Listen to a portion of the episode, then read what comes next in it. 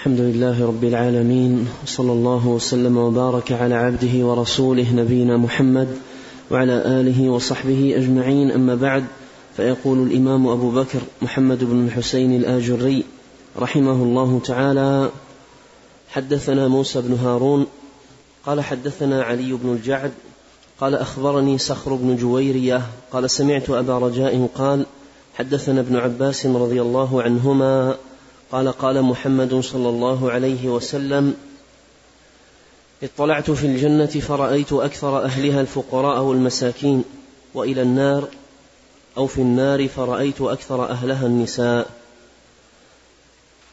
قال وأخبرنا أبو عبيد علي بن الحسين بن حرب القاضي قال حدثنا أبو الأشعث قال حدثنا محمد بن عبد الرحمن قال حدثنا أيوب عن أبي رجاء قال سمعت ابن عباس رضي الله عنهما يحدث عن النبي صلى الله عليه وسلم قال اطلعت في النار فرأيت أكثر أهلها النساء واطلعت في الجنة فإذا أكثر أهلها الفقراء. بسم الله الرحمن الرحيم. الحمد لله رب العالمين وأشهد أن لا إله إلا الله وحده لا شريك له وأشهد أن محمدا عبده ورسوله صلى الله وسلم عليه. وعلى آله وأصحابه أجمعين. اللهم علمنا ما ينفعنا وانفعنا بما علمتنا وزدنا علما. وأصلح لنا شأننا كله ولا تكلنا إلى أنفسنا طرفة عين. أما بعد لا نزال في باب التصديق بأن الجنة والنار مخلوقتين وأن نعيم الجنة وعذاب النار غير منقطعين. أورد رحمه الله تعالى في, هذه الترجمة جملة من الأحاديث. منها هذا الحديث حديث عبد الله بن عباس رضي الله عنهما أن النبي عليه الصلاة والسلام قال اطلعت في الجنة. فرأيت أكثر أهلها الفقراء والمساكين وإلى النار أو في النار فرأيت أكثر أهلها النساء. الشاهد من هذا الحديث للترجمة قول النبي عليه الصلاة والسلام اطلعت في الجنة وقولها اطلعت في النار أي أنه رأى الجنة حقيقة ورأى النار حقيقة. وهذه الرؤية كانت وقت صلاته عليه الصلاة والسلام الكسوف. رأى الجنة وهو يصلي ثم رأى النار وهو يصلي. رآهما حقيقة ببصره عليه الصلاة والسلام. والصحابة رضي الله عنهم كانوا صفوفا وراءه لم يروا شيئا ولكن رأوه وهو يصلي على خلاف العادة. تقدم كأنه يريد يأخذ شيئا. ثم بعدها بقليل تأخر إلى الوراء كأنه خائف من شيء فاستغربوا من هذا الأمر الذي لم يروه قد حصل من النبي عليه الصلاة والسلام في صلاته إلا تلك المرة. فسألوه بعد الصلاة قال إني رأيت الجنة ورأيت النار. أي رآهما حقيقة ببصره عليه الصلاة والسلام وتقدم ليأخذ عنقودا من عنب الجنة. وذكر أيضا أنه رأى أصنافا من المعذبين في النار. وهذا دليل واضح على أن الجنة والنار مخلوقتان موجودتان ونبينا عليه الصلاة والسلام قد رآهما حقيقة. فهذا من الأدلة الصريحة على وجود الجنة والنار. قال اطلعت في الجنة فرأيت أكثر أهلها الفقراء. رأيت أكثر أهلها الفقراء. وهذا دليل على أن الصلاح في الفقراء أكثر منه في الأغنياء. دليل على أن الصلاح في الفقراء أكثر منه في الأغنياء لأن المال والغنى فتنة. ويلهي كثير من الناس ويصرفهم عما خلقوا له. قد قال الله سبحانه وتعالى كلا إن الإنسان ليطغى أن رآه استغنى. ولهذا جاء أيضا في الحديث أن النبي عليه الصلاة والسلام قال ما الفقر أخشى عليكم ولكن أخشى أن تبسط عليكم الدنيا كما بسطت على الذين من قبلها من قبلكم فتنافسوها كما تنافسوها فتهلككم كما أهلكتهم. فالغنى باب أو قد ينفتح على المرء من خلاله أبواب كثيرة من من أبواب الشر. بخلاف الفقر. الفقر يفتح على الإنسان باب الاضطرار والمسكنة والضراعة إلى الله سبحانه وتعالى على أن من الناس من يكون في فقره على شر عظيم والعياذ بالله ومن الناس أيضا من يكون في غناه على خير عظيم. هذا فضل الله سبحانه وتعالى يؤتيه من يشاء. ولهذا ينبغي أن يعلم أن الفقر والغنى كل منهما امتحان للمرء.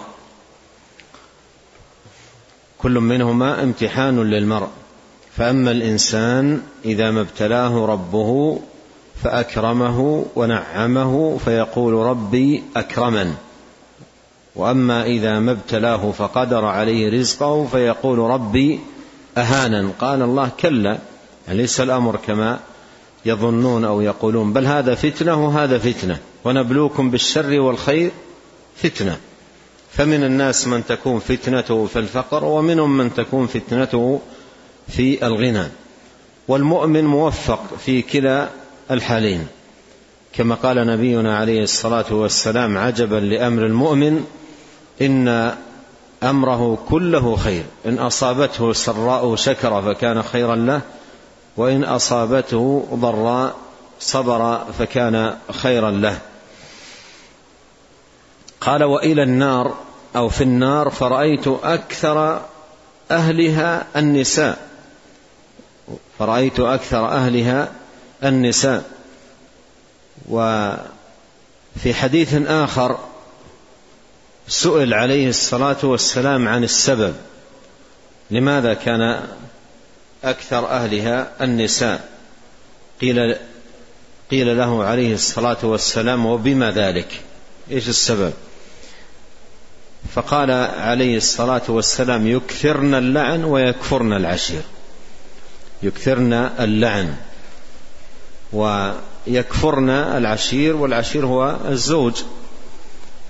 يحسن إليها ويحسن ثم إذا قصر يوما قالت ما رأيت خيرا قط تكفر آه، إحسانه وتوالي آياديه وتنسى ذلك في مقابل موقف واحد أو موقفين.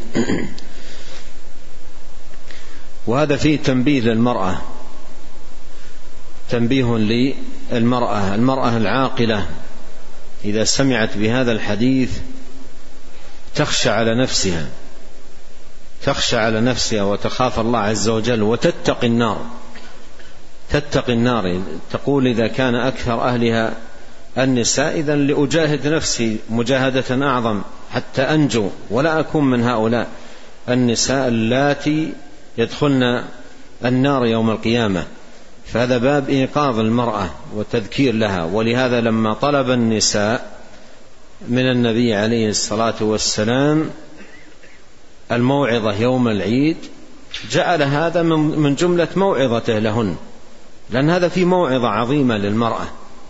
قال تصدقن قال في خطبته لهن التي خصهن بها قال تصدقن فإني أريتكن أكثر أهل النار. قال تصدقن فإني أريتكن أكثر أهل النار. هذا في موعظة المرأة المرأة الناصحة لنفسها التي تخاف الله سبحانه وتعالى. إذا سمعت هذا الحديث يأخذ آه، قلبها خوف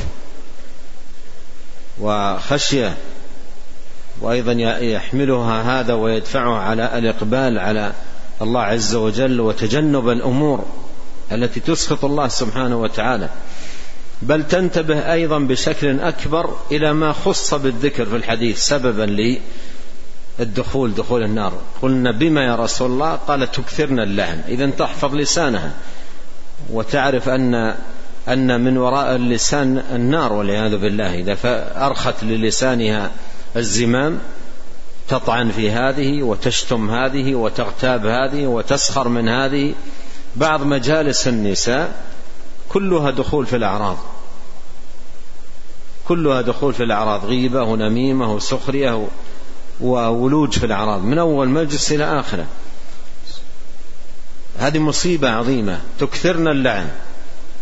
تكثرنا اللعن. يعني تكثرنا من الولوج في أعراض المسلمين والمسلمات. هذه كذا وهذه كذا وهذه فيها وهذه إلى آخرة. مجالس كلها في وقيعة في الأعراض وطعن ولعن وسخرية وسب وقال تكثرن اللعن وتكفرن العشير. يحسن إلى الواحدة الدهر كله حياتها كلها معه وإذا قصر مرة أو مرتين قالت ما رأيت منه خيرا قط. فالمرأة العاقلة تنتبه تنتبه إلى خطورة الأمر وتدرك أن من وراء هذه الأعمال المحرمة الآثمة عقوبة الله سبحانه وتعالى يوم القيامة.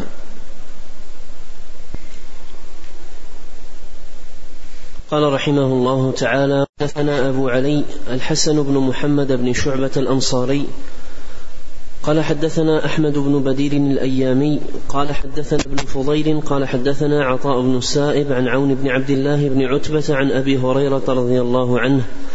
قال قال رسول الله صلى الله عليه وسلم اختصمت الجنة والنار فقالت النار ما لي يدخلني المتكبرون وأصحاب الأموال. وقالت الجنة ما لي لا يدخلني إلا الضعفاء والمساكين. فقال الله عز وجل للجنة أنت رحمتي أدخلك من شئت. وقال للنار أنت عذابي أعذب بك من شئت وكلاكما سأملأ. قال وحدثنا أبو أحمد هارون بن يوسف قال حدثنا ابن أبي عمر يعني محمدا العدني قال حدثنا سفيان بن عيينة عن أبي الزناد عن الأعرج عن أبي هريرة رضي الله عنه قال قال رسول الله صلى الله عليه وسلم احتجت النار والجنة فقالت هذه يدخلني الجبارون والمتكبرون.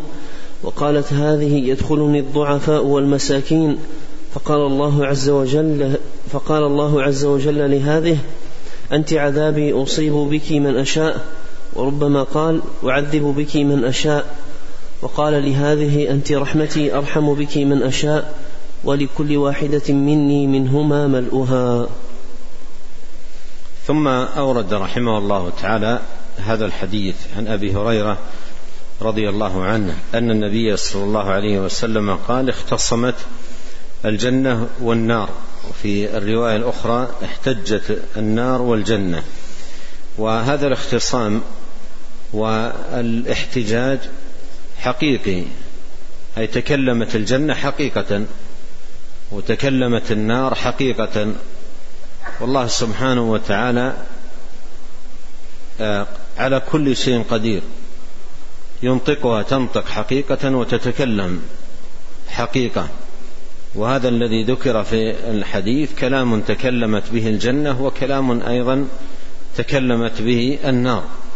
فهو ليس بلسان الحال وإنما بلسان المقال حقيقة كلام حقيقي. قالته الجنة وقالته النار. والله سبحانه وتعالى لا يعجزه شيء.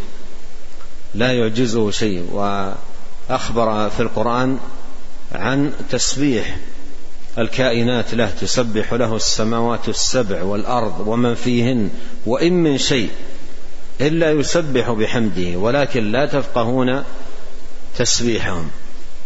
إنه كان حليما غفورا. والنبي عليه الصلاة والسلام كان بيده حصيات فأخذت تسبح والصحابة الذين حوله سمعوا تسبيح الحصى في يده حقيقة تسبيح بصوت سمعه الصحابة رضي الله عنهم. فالحاصل أن هذا كلام حقيقي اختصام حقيقي تكلم الجنة تكلمت حقيقة والنار أيضا تكلم تكلمت حقيقة. الجنة النار قالت ما لي لا يدخلني إلا المتكبرون وأصحاب الأموال. ما لي لا يدخلني إلا المتكبرون وأصحاب الأنوار الأموال.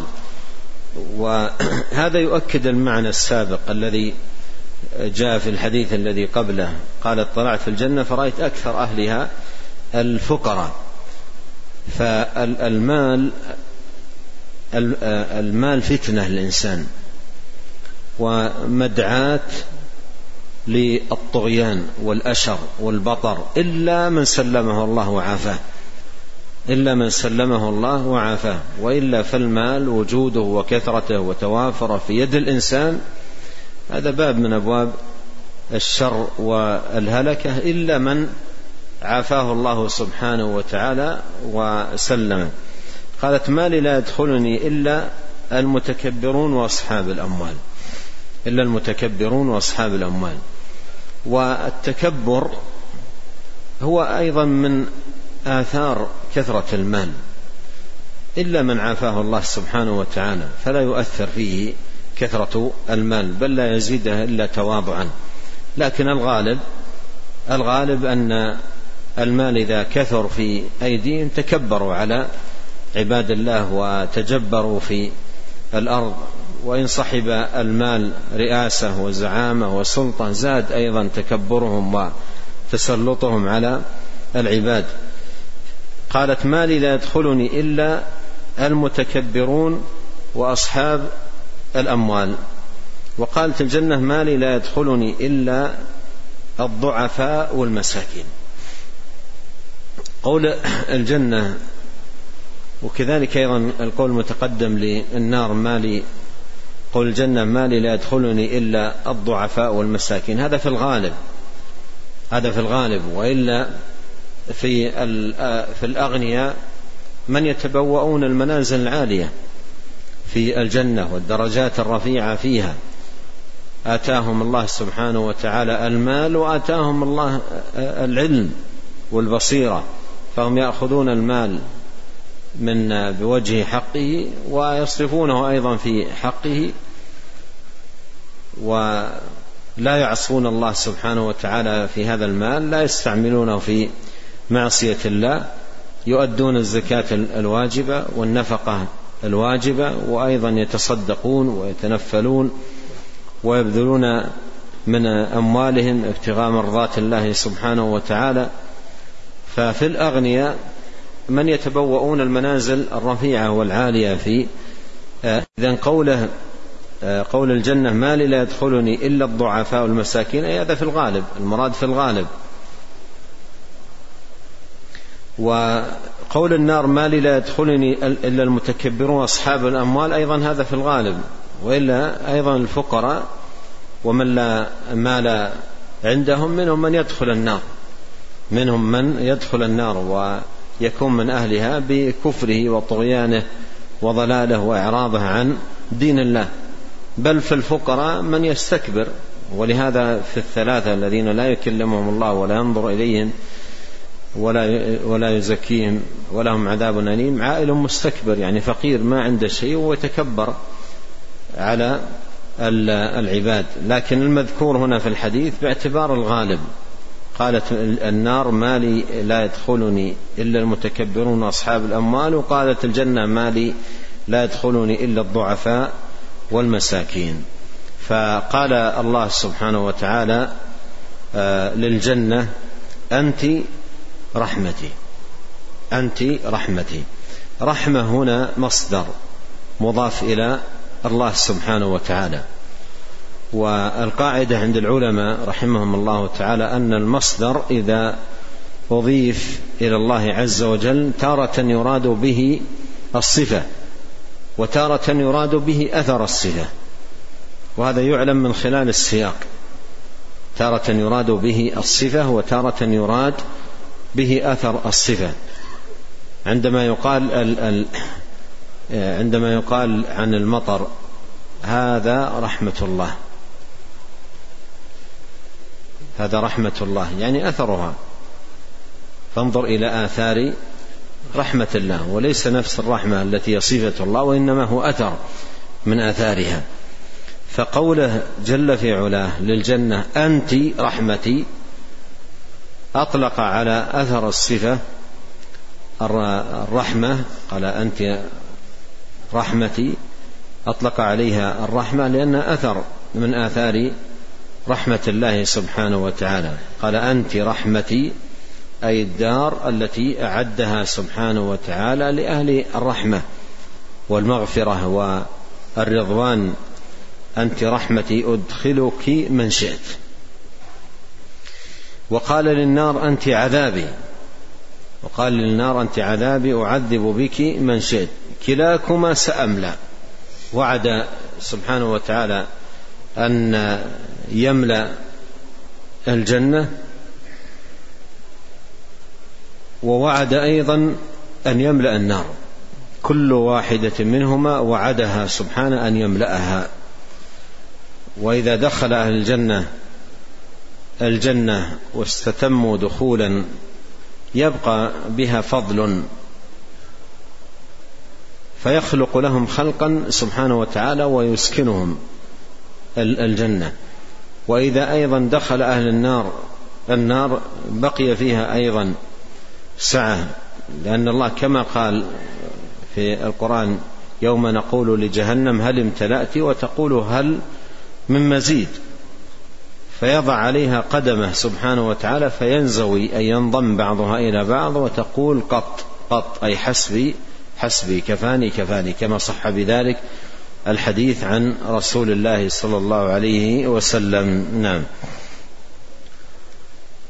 قال رحمه الله تعالى وحدثنا الفريابي قال حدثنا عبد الرحمن بن إبراهيم الدمشقي قال حدثنا ابن أبي فديك قال حدثنا ابن أبي ذئب عن محمد بن عمرو بن عطاء عن سعيد بن يسار عن أبي هريرة رضي الله عنه أن النبي صلى الله عليه وسلم قال إن الميت تحضره الملائكة فإذا كان الرجل الصالح قالوا اخرجي أيتها النفس الطيبة.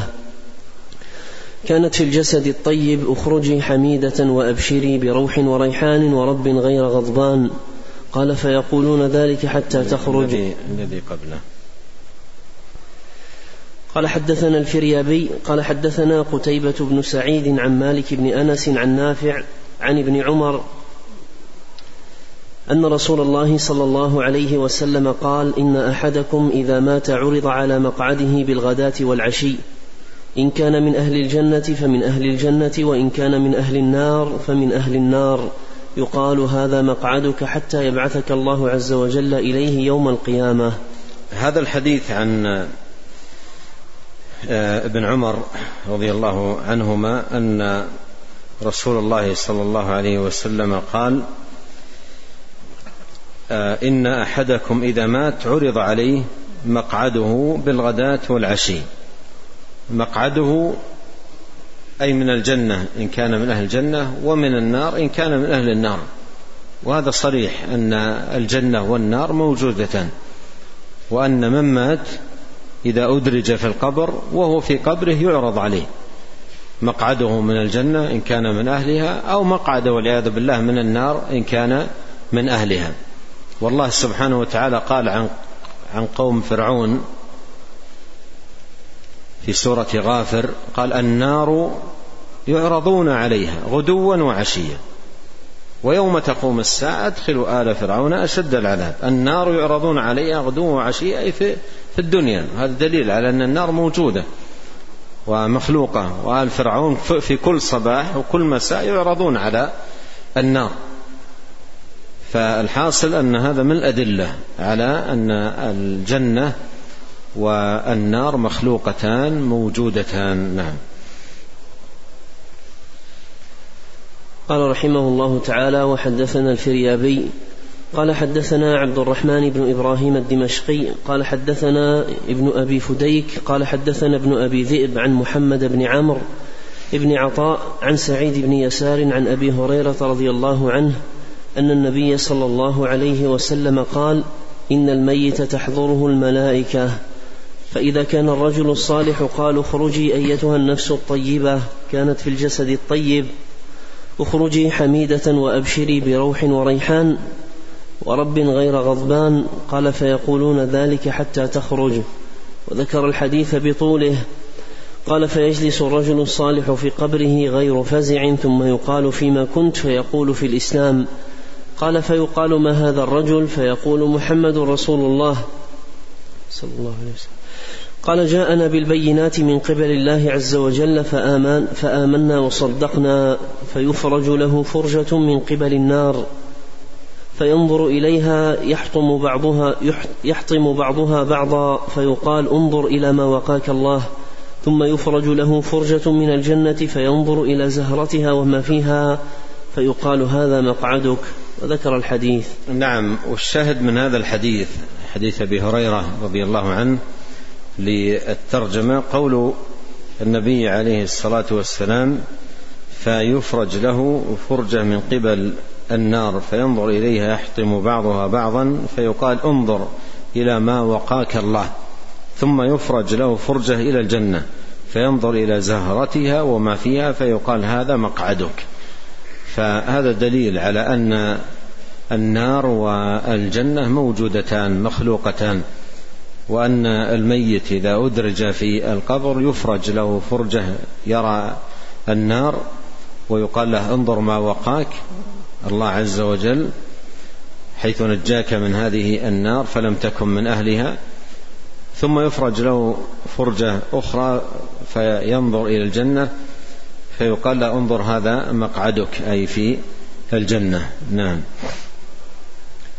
قال رحمه الله تعالى وحدثنا الفريابي قال حدثنا قتيبة بن سعيد عن مالك بن أنس عن ابن شهاب عن عبد الرحمن بن كعب بن مالك أن أن أباه كعب بن مالك رضي الله عنه كان يحدث أن رسول الله صلى الله عليه وسلم قال: إنما نسم المؤمن طائر يعلق في شجر الجنة. حتى يرجعه الله عز وجل في جسده يوم يبعثه.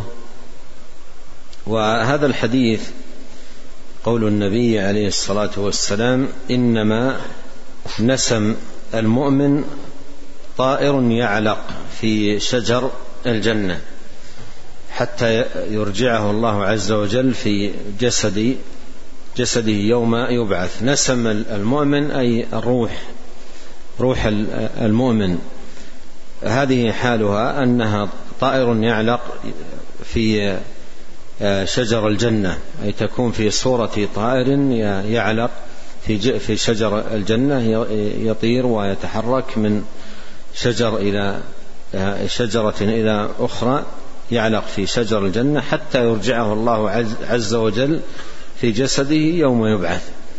والشاهد من هذا أن الجنة موجودة. الجنة موجودة بدليل إخبار النبي صلى الله عليه وسلم على أن روح المؤمن تكون بهذا الشأن. بعد أن تقبض روحه تكون روحه آه، آه، آه، طائر يعلق في شجر الجنة. نعم. قال رحمه الله تعالى وأخبرنا الفريابي قال حدثنا عثمان بن أبي شيبة قال حدثنا عبد الله بن إدريس عن محمد بن إسحاق عن إسماعيل بن أب بن أمية عن أبي الزبير عن سعيد بن جبير عن ابن عباس رضي الله عنهما قال قال رسول الله صلى الله عليه وسلم لما أصيب إخوانكم بأحد جعل الله عز وجل أرواحهم في أجواف طير خضر ترد أنهار الجنة وتأكل من ثمارها وتأوي إلى قناديل من ذهب معلقة في ظل العرش فلما وجدوا طيب مأكلهم ومشربهم ومقيلهم قالوا من يبلغ إخواننا عنا أن أحياء؟ من يبلغ إخواننا عنا أن أحياء في الجنة نرزق لئلا يزهدوا في الجهاد وألا ينكلوا عند الحرب؟ قال فقال الله عز وجل أنا أبلغهم فأنزل الله عز وجل ولا تحسبن الذين قتلوا في سبيل الله أمواتا بل أحياء عند ربهم يرزقون. فرحين بما آتاهم الله من فضله. الآية. وهذا الحديث فيه أن هذه الأرواح إنما هي أرواح الشهداء التي آه، في صورة طائر أو في أجواف طير تعلق في شجر الجنة. هذه أرواح الشهداء من علو مكانتهم ورفيع منزلتهم عند الله سبحانه وتعالى. في أجواف طير خضر ترد أنهار الجنة وتأكل من ثمارها وتأوي إلى قناديل من ذهب معلقة في ظل العرش. فلما وجدوا طيب مأكلهم ومشربهم ومقيلهم قالوا من يبلغ إخواننا عنا أن أحياء في الجنة نرزق؟ لئلا يزهدوا في الجهاد ولا ينكلوا عند الحرب. قال فقال الله عز وجل أنا أبلغهم فأنزل الله ولا تحسبن الذين قتلوا في سبيل الله أمواتا بل أحياء.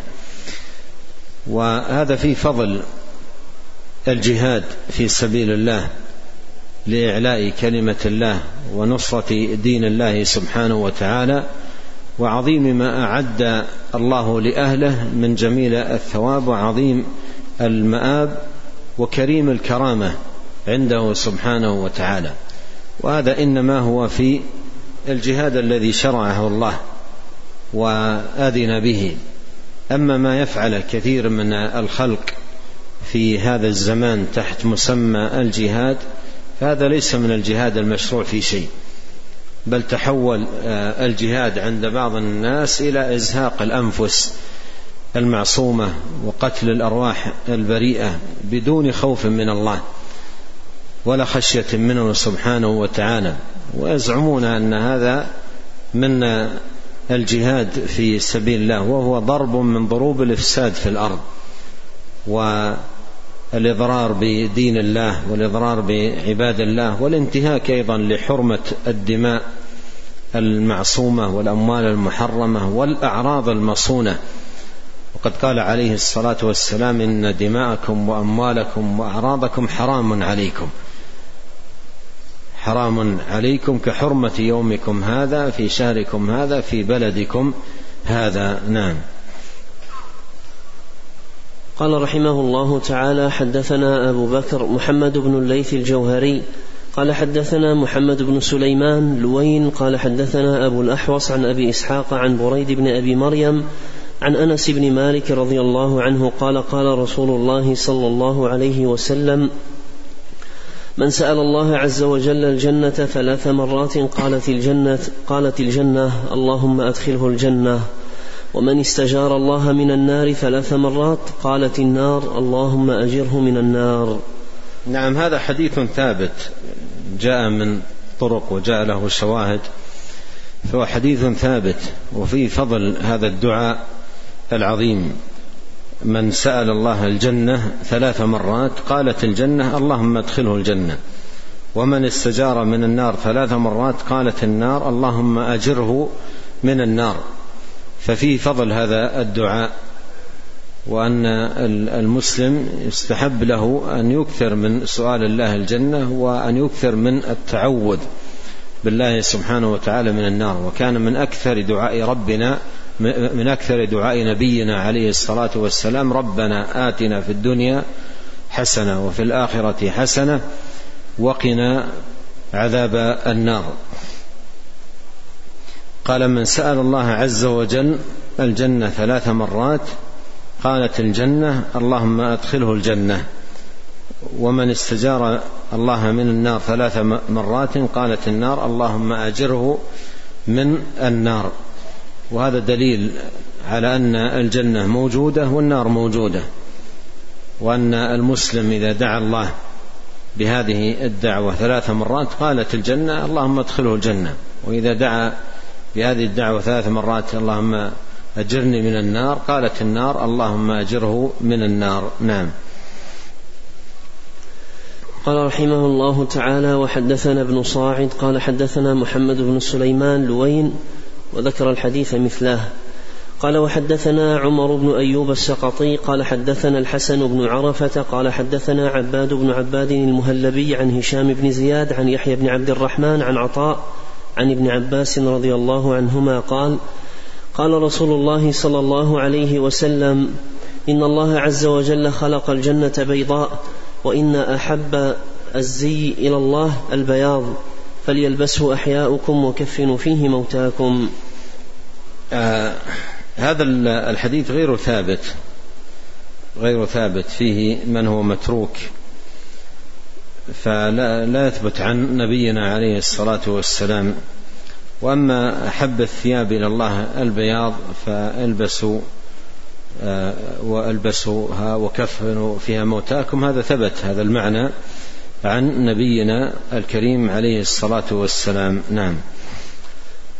قال رحمه الله تعالى حدثنا أبو بكر قاسم بن زكريا المطرز قال حدثنا أبو كريب محمد بن العلاء قال حدثنا أبو بكر بن عياش عن الأعمش عن أبي صالح عن أبي هريرة رضي الله عنه عن النبي صلى الله عليه وسلم قال إذا كان أول ليلة من شهر رمضان صفدت الشياطين ومردت الجن وغلقت أبواب النار فلم يفتح منها باب وفتحت أبواب الجنان فلم يغلق منها باب وينادي مناد يا باغي الخير أقبل ويا باغي الشر أقصر ولله تعالى عتقاء من النار في كل ليلة. نسأل الله أن يبلغنا رمضان ويؤجل الكلام على هذا الحديث إلى لقاء الغد بإذن الله سبحانه وتعالى. نفعنا الله أجمعين بما علمنا وزادنا علما وأصلح الله لنا شأننا كله وهدانا إليه صراطا مستقيما.